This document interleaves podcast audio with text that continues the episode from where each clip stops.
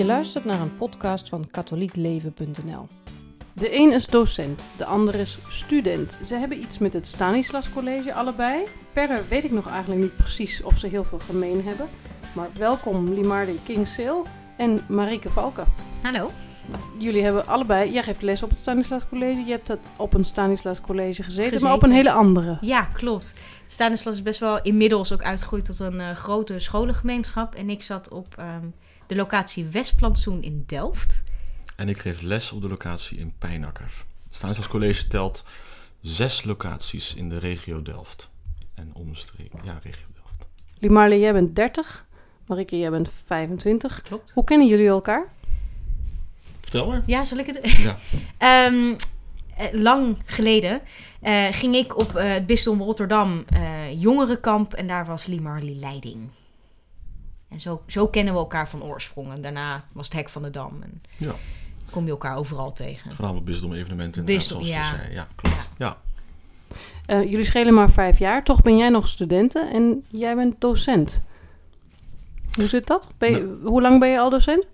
Eh, twee jaar eigenlijk, vrij kort. Ik heb ook een tijd niet gestudeerd. Eh, maar ik ben er wel bezig met het afronden van mijn master. En wat voor les geef je precies? Levensbeschouwing. Middelbare schoolleerlingen, dus dat is in de onderbouw, eh, klas 1 tot en met 3. En in de bovenbouw, de vierde klas. Dat Wat- zijn leerlingen van 12 tot 16 jaar. Ja, ja. Ja. Wat leer jij hen? Wat we met levensbeschouwing proberen eh, leerlingen aan te leren is dat ze eh, kunnen nadenken over zichzelf en hun positie in de wereld. En hun relatie met de ander met een kleine letter of met een grote letter. Dus God. Eh, we leren leerlingen dat iedereen een levensbeschouwing heeft. Dus zij ook. Hè. Dus de reactie van heel veel leerlingen en wellicht ook van sommige ouders is, eh, ja, wat is godsdienst en waarom moet mijn kind dat leren als wij thuis geen godsdienst eh, hebben? Maar ik zeg dan, iedereen heeft wel een levensbeschouwing en jij ook.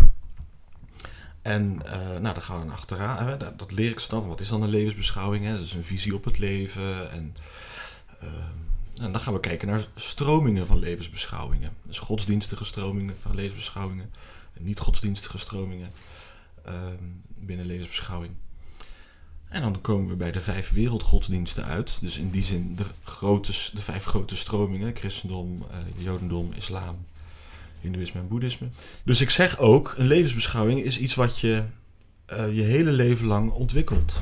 Binnen of buiten een bepaalde stroming hè, of godsdienst.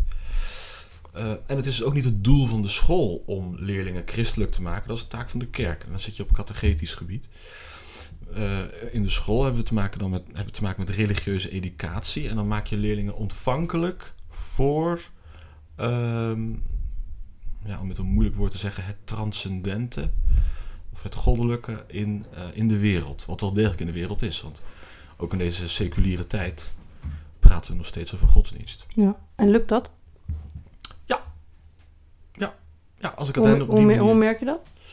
Eh, omdat leerlingen dan ineens heel enthousiast worden. En over van alles en nog wat beginnen te vertellen. En eh, ja, de televisie en het internet eh, is dan hun referentiekader. Dus ik kreeg van de week de vraag: Meneer, gelooft u in spoken? Of in aliens? Dat zijn wel interessante vragen die je dan krijgt. Ehm, ja, maar leerlingen worden op die manier wel enthousiast. Ja, dus wanneer je hen uitlegt, een levensbeschouwing heeft met jouw persoon te maken. Ik ben hier niet om jou eh, ergens in, eh, ergens toe te bekeren of, of, of wat dan ook. Maar ik ben hier om jou de gereedschappen te geven om uiteindelijk zelfstandig, eh, wel overwogen te kiezen ehm, hoe jij in het leven wil staan. Dus dat is mijn taak. Marieke, jij studeert nog. Wat studeer je? Ik studeer theologie aan de Universiteit van Tilburg, locatie Utrecht. Dus we zitten op de goede plek. We zitten op de juiste locatie in ieder geval. We ja. zitten namelijk in Utrecht. Waarom theologie? Eh, dat is de vraag die ik me ook vaak heb gesteld. Eh, zeker in mijn eerste jaar heb ik vooral gedacht, wa- wat doe ik hier? Ehm, het was eigenlijk een heel grappig verhaal. Ik, ik wilde heel erg graag dokter worden. Mijn vader is huisarts, mijn moeder is theoloog. Ehm, en ik wilde graag gynaecoloog worden.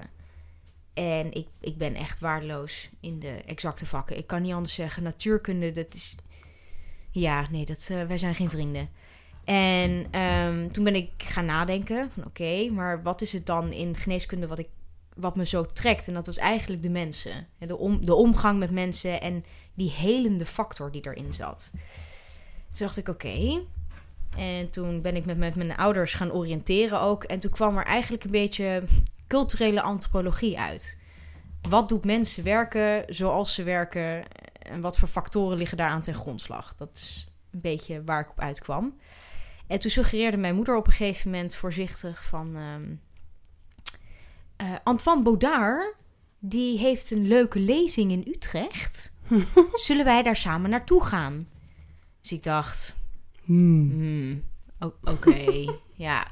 Nou, ik vind het super gezellig om mijn moeder daar een dagje van te maken. Hè. Leuk. En, eh, wij naar Utrecht en eh, we stappen uit de trein en zegt... Ja, grappig verhaal. Eh, er is dus ook een open avond van de opleiding theologie. En ik dacht, Oh ja. oh, hou me tegen. Ehm, en dat was vooral omdat ehm, mijn moeder doet iets zo specifieks... waar ik zelf nog nooit naar had gekeken als iets van mij. En ik had me veel meer gefocust op mijn vaders kant. Dat leek jou niks, zeg maar. ik ik dacht vooral ook dat ik het niet kon. Eh, mijn moeder deed, deed in wat ik zei heel specifiek en ze was echt heel goed. Ze is nog steeds heel goed in haar werk en dat, de- dat doet ze ook al heel lang. En ik was alweer een beetje vergeten dat je daar natuurlijk ook voor naar school moet zijn geweest en iets moet hebben gedaan. Ehm, dus ja, ik, ik ging maar mee met haar naar die open avond ook, omdat ik dacht, nou, ik ben met pap bij geneeskunde gaan kijken, met mama naar theologie, iedereen blij. ik ga toch antropologie studeren, dus. Ehm, en ik kwam daar binnen en ik kreeg toen een inleiding van Jacqueline van der Lee. Een van onze medestudenten. En ehm, daarna was er een, een discussie. En ik keek om me heen en er zaten echt alleen maar 40-plussers in die zaal. Ik dacht, wat doe ik hier in godsnaam? En, eh, maar het was een interessante discussie, dus ik ging daarin mee. Allerlei ethische kwesties kwamen langs. En er zitten altijd één of twee op zijn open avond tussen die die moeten even wat scherpe vragen stellen over wat er allemaal wel niet mis is met de kerk en hoe mensen daar dan tegenover staan. En ehm, toen was er ook Marcel Sarro, en die is inmiddels onze decaan van de opleiding. Toen nog niet, maar nu wel. En die kwam naar de hand naar mij toe en die zei tegen mij: Zo, ehm, kom jij hier studeren? En toen zei ik: Nee, nee, ik ben alleen met mijn moeder mee. Lezing ook van Baudard, lang verhaal. Maar dit was allemaal per ongeluk. En eh, nee, kom hier niet studeren. En hij keek me aan en hij zei tegen mij: Dat denk ik wel.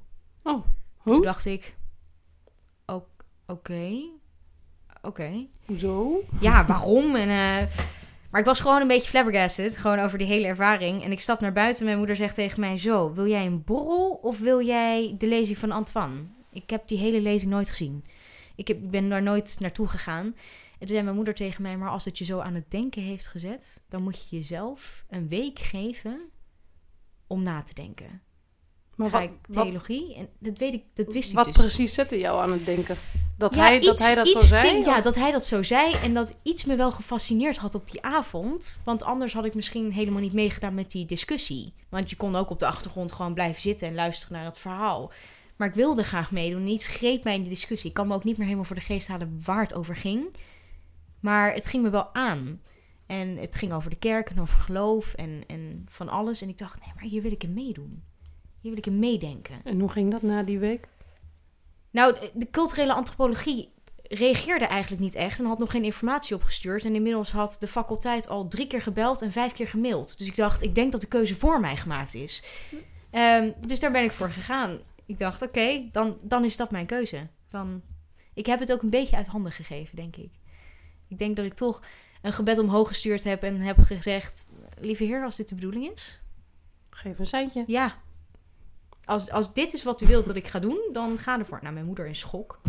Theologie gaat Oh, ze wilde helemaal niet dat je dat ging studeren. Nou ja, ze wilde, weet je, ze zei, ik kan je, omdat ik dacht dat het goed voor je was, kon ik je niet ontkennen dat te gaan doen. Maar ik had nooit verwacht dat een van mijn kinderen theologie ging studeren. Oh. Dus dat was even een leuke omslag. ja. Ja. En toen je begon, bleek dat gevoel nog steeds wel... Ja, ook omdat ik omringd werd door een hoop priesterstudenten. en Mensen die overal spraken over roeping. En eigenlijk al best wel goed wisten wat ze met de opleiding wilden gaan doen. En ik, ik dacht alleen maar, ik, ik heb geen idee. Ik, ik ben hier gewoon omdat het me interessant lijkt. En ik dacht ook, iedereen is veel intelligenter. Veel mensen kwamen van het gymnasium. Ik dacht, oh man, dit wordt een lang verhaal.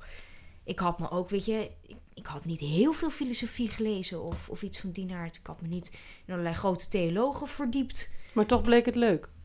Ja. Of verdiepend. Of hoe, hoe zou je ja, het omschrijven? ik, ik denk dat ik er ook wel ingroeide omdat dingen op zijn plek begonnen te vallen. Van ik, ik deed al wel wat vrijwilligerswerk in de kerk, maar dat, dat groeide ook met, dat groeit met de studie, ook met zich mee. Ehm, de mensen die rondliepen op de faculteit bleken heel erg mijn soort mensen te zijn. Kan het niet anders omschrijven dan dat. Het was een kleine faculteit. eh, mensen maken heel erg contact met elkaar op de faculteit. Soms ook niet. Eh, hoe verder je komt, hoe minder contacturen je hebt op de faculteit. Maar zeker in dat eerste jaar leer je elkaar goed kennen.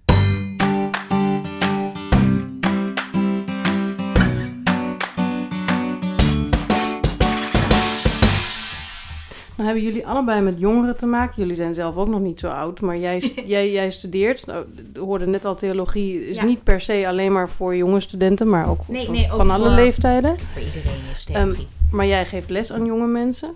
Ehm, volgend jaar is de Bisschoppensynode in Rome. Er zijn nu al voorbereidende gesprekken ehm, met jongeren die met oude kardinalen en professoren uitwisselen van gedachten. Van ehm, wat vinden jongeren belangrijk. Komen jullie die jonge mensen eh, tegen die daar echt een mening over hebben? Of wa- wat horen jullie? Wat, wat is dan nu voor mensen van jullie leeftijd belangrijk binnen de katholieke kerk? Nou, als, ik, als ik kijk naar mijn eigen jongerengroep, hè, ik, eh, ik geef ook les in de zondagschool in onze parochie. En eh, dan focus ik het meestal op, op vormelingen, want die zijn het meest mondig over hun geloof, die hebben de meeste vragen. Ja, wat ik veel tegenkom is, is ehm, dat ze hele specifieke vragen stellen over waarom de kerk keuzes heeft gemaakt zoals ze die hebben gemaakt. En waarom het functioneert zoals het functioneert. Van wat ik bijvoorbeeld de omslag die ik al eerder een keer tegen die Marley heb genoemd, ehm, die ik zie, is dat we van jongeren gaan die, waarbij het eh, verwacht wordt dat ze hun vormsel gaan doen. Dat het niet meer dan normaal is. En eigenlijk zelfs soms een beetje gepusht zijn door hun ouders dat vormselproject te gaan doen. Naar wat oudere jongeren die heel bewust aan het kiezen zijn om hun vormsel te willen doen. Om dat traject in te gaan. Maar daarmee wel hun vragen willen kunnen stellen.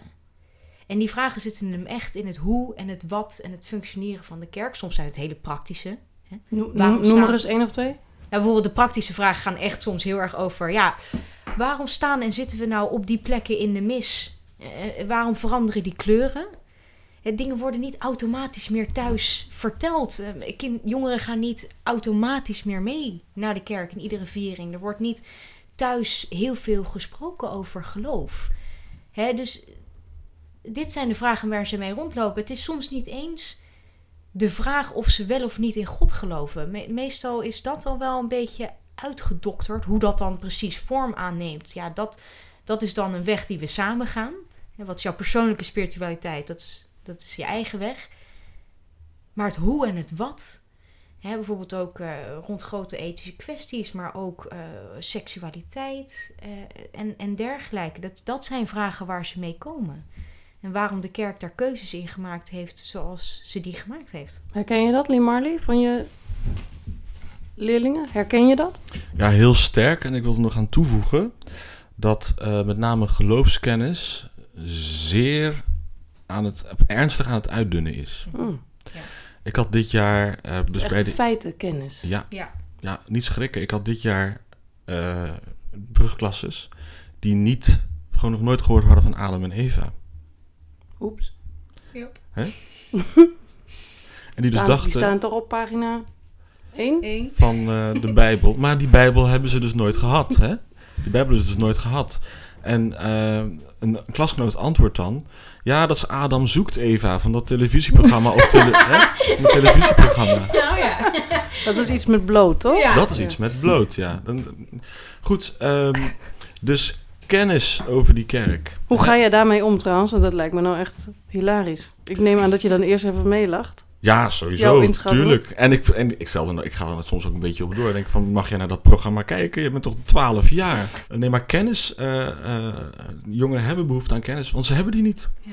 Dus ook oudere mensen, daar had jij het over, daar had jij het over oudere kardinalen en professoren. Als je kijkt naar de doorsnee parochiaan in Nederland, ehm, die dan, eh, vaak zijn dat wat oudere mensen, die dan ehm, zeggen, ehm, enigszins wanhopig, van jongeren komen niet meer bij ons in de kerk. En dan stel ik ze de vraag, stel ik hen de vraag, waarom zou ik bij jou naar de kerk gaan? En dan hebben ze geen antwoord. Meestal niet. Dat is niet goed. Nee, en jongeren die hebben het ontzettend druk met hun huiswerk, met hun vrienden en vriendinnen, met de sport, met allerlei andere dingen. Dat als zij eh, een moment rust voor zichzelf hebben of, ehm, eh, of iets anders kunnen doen, dan doen zij dat. Zij doen, zouden zich natuurlijk bezig met dingen die voor hen zinnig is. En als je niet aan hen kunt, en niet aan hen kunt vertellen waarom de kerk op zondagochtend zinnig is, dan komen ze niet. Uh, dus, die, dus eigenlijk zou hen uitgelegd moeten worden waarom die kerk nou zo belangrijk is. Waarom, wat heeft die kerk met hun te maken? Waarom is het belangrijk om naar de progie te gaan iedere zondag? Laat ze in hemelsnaam enthousiast zijn. Neem het risico met je jongeren. Neem het risico dat ze een vraag stellen waar je geen antwoord op hebt. Neem het risico dat ze een vraag stellen die moeilijk is. Of waar jij je hele leven al mee loopt. En ben er eerlijk over. Zeg gewoon heel eerlijk: ik heb geen idee. Ben ik ook nog aan het uitzoeken? Ik zit precies op hetzelfde punt. Want zoals Lee al zei, ze zijn op zoek naar voorbeeldfuncties. En als ze het niet bij ons kunnen vinden, dan zoeken ze het buiten ons. En de vraag is of ze dan het goede vinden. Wat je dan ook onder het goede mag verstaan. Dat is niet aan mij. Maar of ze dan ook echt de antwoorden zoeken waar ze op vinden. Ik denk vaak niet dat ze dat vinden. En of ze dan een perfecte voorbeeld vinden. Nou ja, als je Adam en Eva googelt en je krijgt het programma, ja, dan wordt het een lang verhaal. Hè? Dus pak dat op. Om aan te vullen wat zij dan zei, als dat nog mocht. Ehm, dus de, deze tekst, die voorbereidende tekst, begint uh, over Johannes. de voorbereidende tekst voor de synode volgend jaar heb je nu voor je liggen. Ja, klopt. Ja. Uh, die begint over de leerling Johannes. En, uh, een stukje uit Johannes. Waarbij twee leerlingen aan Jezus vragen: Waar verblijft gij? Dus ze lopen eerst achter Jezus aan en dan zegt Jezus: Wat verlang je? Uh, en, dan, en dan vragen die leerlingen: Ja, meester, waar verblijft gij? En dan zegt hij: Kom en, kom en zie. En dan verblijven ze de hele dag bij. Dus de kerk is in die zin geen franchise business die uh, om jongeren maar binnen te halen de beste marketingstrategie hoeft, te hand, hoeft te handhaven. Natuurlijk moeten ze wel gebruik maken van marketing, maar het gaat niet om, um, om de kerk op zich. Hè. Het gaat natuurlijk om de mens. Dus de, de kerk is in die zin het middel um, om mensen naar Christus te brengen. En dat heeft de kerk 2000 jaar lang gedaan met allerlei hele goede, fantastische eh, manieren, op allerlei verschillende manieren. En dat zal ze deze eeuw ook wel uh, kunnen doen. Maar allereerst is bedenken, wat wil je nou? Hè? Dus als je die jongeren binnen wilt halen, waarom? En waarom moeten ze, ja, waarom moeten die leerlingen, die jongeren in de kerk komen? Um, en wat moeten ze daar dan doen? Ik denk dat jullie in deze al die voorbeeldfunctie als docent en student heel goed vervullen en uh, verder kunnen uitdragen. Bedankt voor het gesprek. Ja, graag gedaan. Ja, graag gedaan. Dit was een podcast van katholiekleven.nl. Bedankt voor het luisteren.